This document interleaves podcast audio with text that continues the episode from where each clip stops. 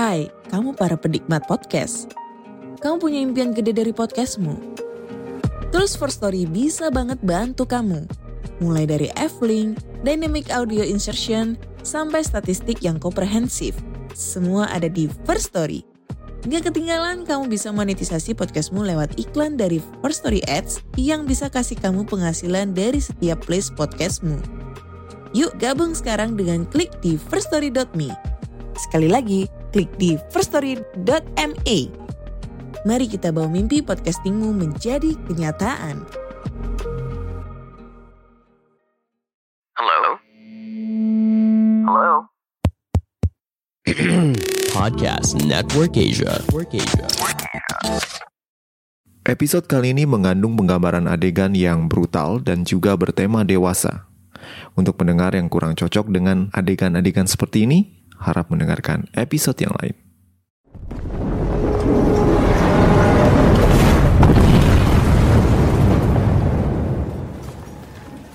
Bangunan demi bangunan dilahap oleh api yang dimulai oleh para prajurit Akastus.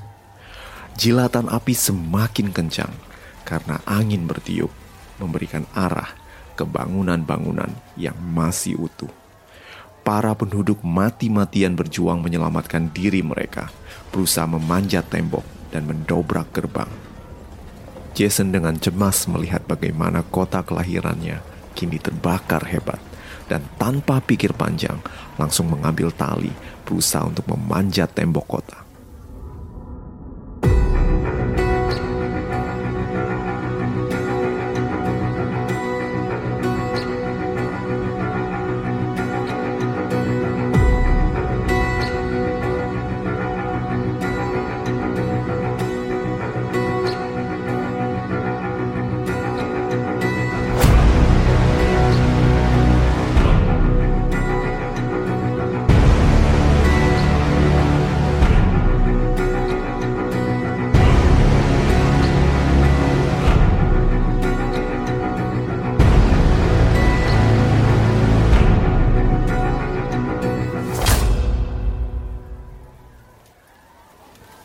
Jason, tunggu!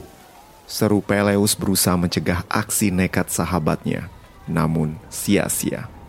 Sementara itu Piritos yang memang gila aksi bergabung dengan Jason untuk mencapai tembok kota. Keduanya kemudian saling bahu-membahu memanjat tembok dan berhasil sampai di sisi lain dari kota. Jason dan Piritos dengan segera berusaha membuka gerbang yang dipalang dengan kayu besar para penduduk yang tadinya berhimpitan memberikan ruang pada kedua pahlawan dan memberikan mereka bantuan untuk mendobrak pintu. Setelah beberapa lama, mereka berhasil dan para penduduk yang selamat berhasil keluar dari kota yang terbakar. Kedua Dioskuri memimpin pasukan Sparta berusaha untuk memadamkan api yang menggila dan pasukan Myrmidon Peleus pun turut beraksi Angin yang bertiup kencang menyulitkan pemadaman, dan kekacauan yang ada membuat semua berada dalam kondisi sulit. Sementara sang dalang pembakaran hilang dalam kekacauan dan pergi.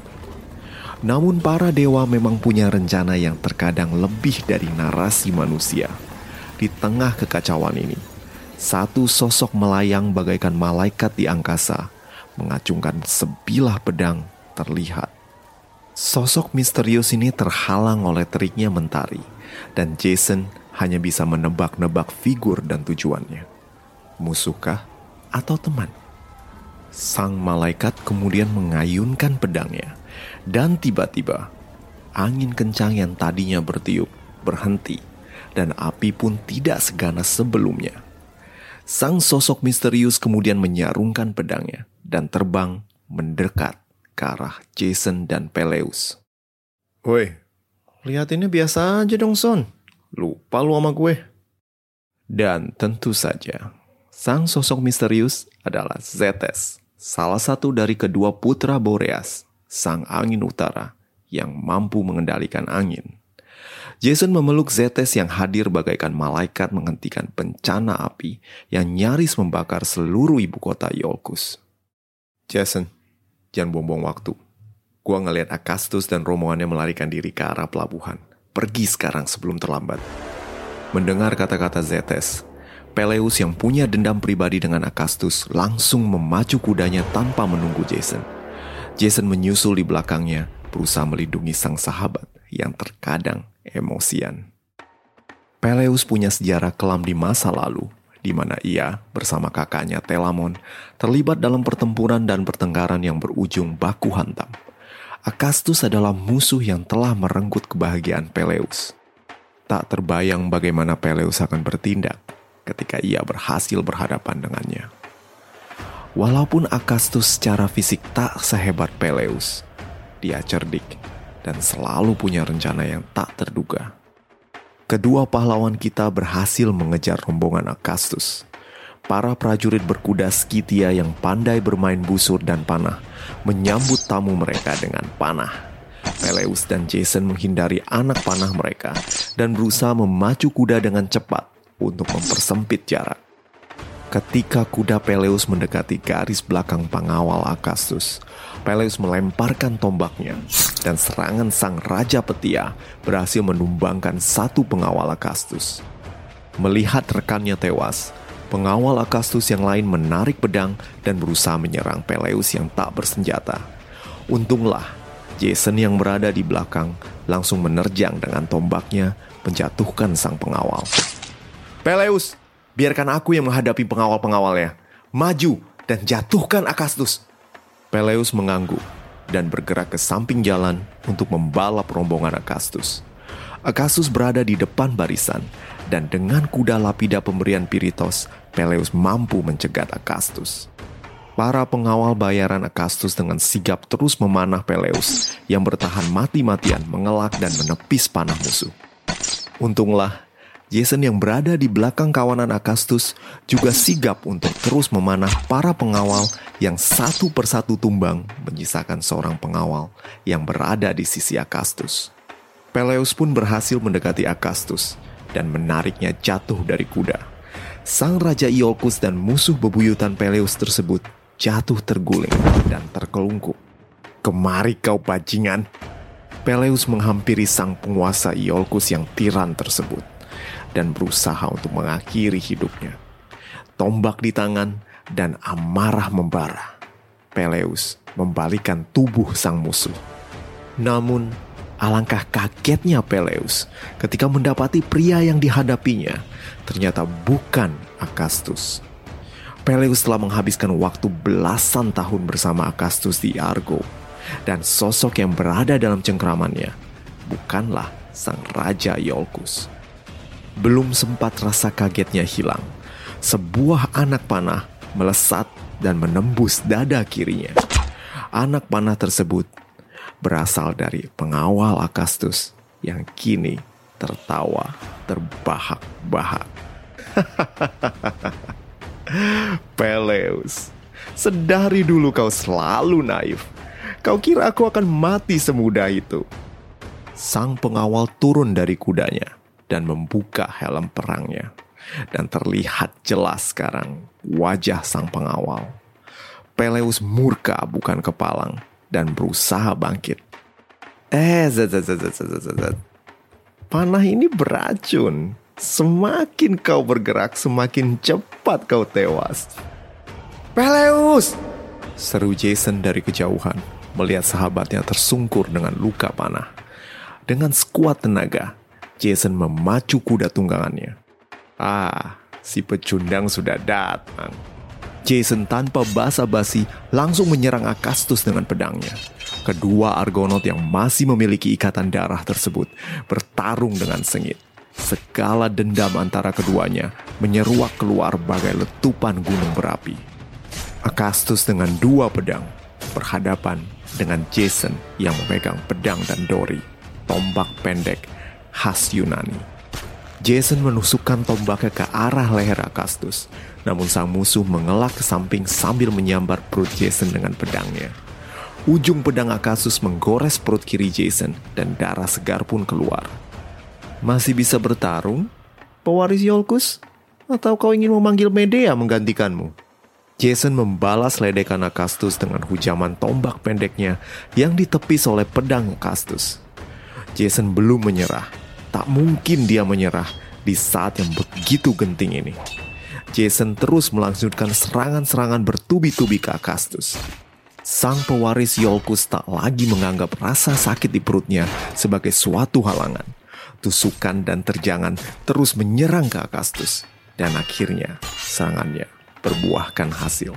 Sabetan pedang Jason berhasil melukai pegelangan tangan kanan Akastus yang kemudian menjatuhkan pedangnya.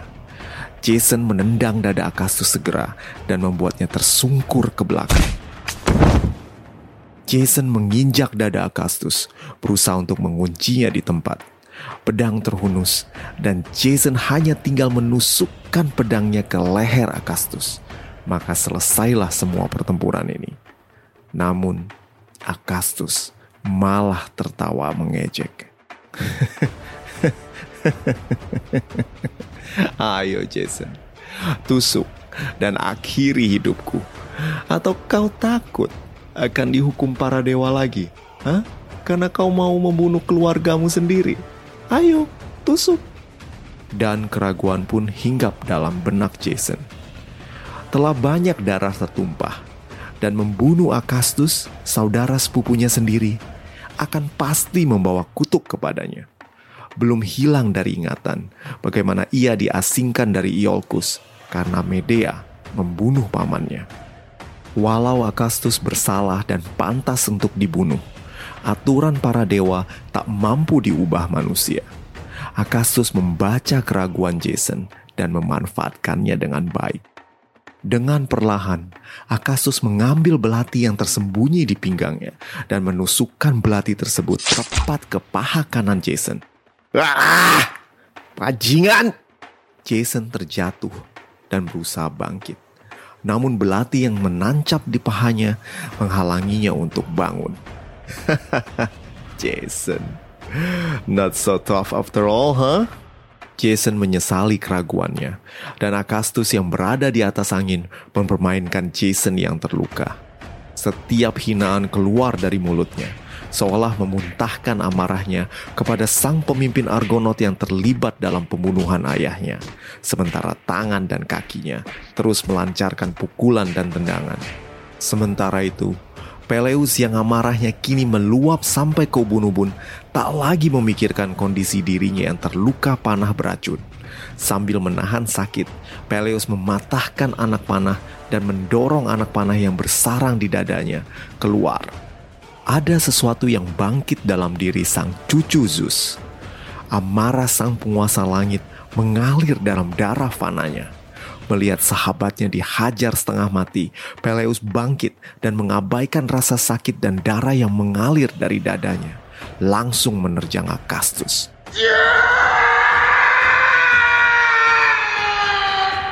Akastus yang tak menyadari bangkitnya Peleus terjungkal ditabrak olehnya. Keduanya bergulat dan berguling. Muka Peleus yang penuh dengan peluh darah dan debu begitu mengerikan, seolah seorang dari para furia telah menitis ke tubuhnya. Akastus yang terkejut tak mengira Peleus masih memiliki kekuatan untuk menghajarnya. Peleus berhasil menjatuhkan Akastus, punggung menyentuh tanah, dan dengan sekuat tenaga, Peleus meninjunya satu tinju bersarang di rahang dan disusul dengan pukulan dan tinju yang lain. Lagi dan lagi, beruntun tanpa henti. Peleus seperti orang gila, terus memukul muka Akastus yang tak mampu lagi untuk bergerak membela dirinya.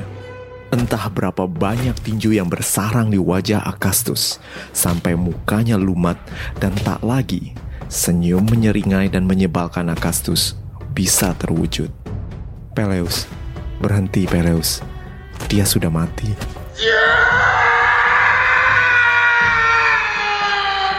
Jason menyeret tubuhnya ke arah Peleus yang masih memukul jasad Akastus. Menarik Peleus dari tubuh yang telah kehilangan nyawa tersebut. Minggir! Bajingan ini harus mati tanpa jasad yang utuh. Peleus tak mau dipisahkan dari penghukumannya terhadap Akastus. Dan Jason pun harus melakukan apa yang harus dia lakukan. Memukul Peleus agar pingsan. Dengan sekali pukul di tengkuk, Peleus pun tak sadarkan diri. sang raja petia harus dihentikan agar racun ganas yang mengalir di tubuhnya tak mengambil nyawanya. Di medan pertempuran, tiga Argonaut terbaring. Satu tewas, satu sekarat, dan satu lagi terluka parah. Darah dibayar dengan darah. Nah, bagaimanakah lanjutan dari akhir cerita petualangan Jason berikutnya? Seperti biasa, minggu depan ya. Anyway, sebelum bubaran, gue pengen ngucapin terima kasih untuk Fanska dan Trada yang udah traktir gue di laman traktir mitologi santuy. Terima kasih untuk traktirannya dan episode Achilles The Origin siap kalian nikmati. Buat kalian yang kepengen dukung podcast ini dan dengerin episode Achilles, silahkan kunjungi laman traktir yang tersedia di deskripsi episode. Udah dulu ya, see you and ciao!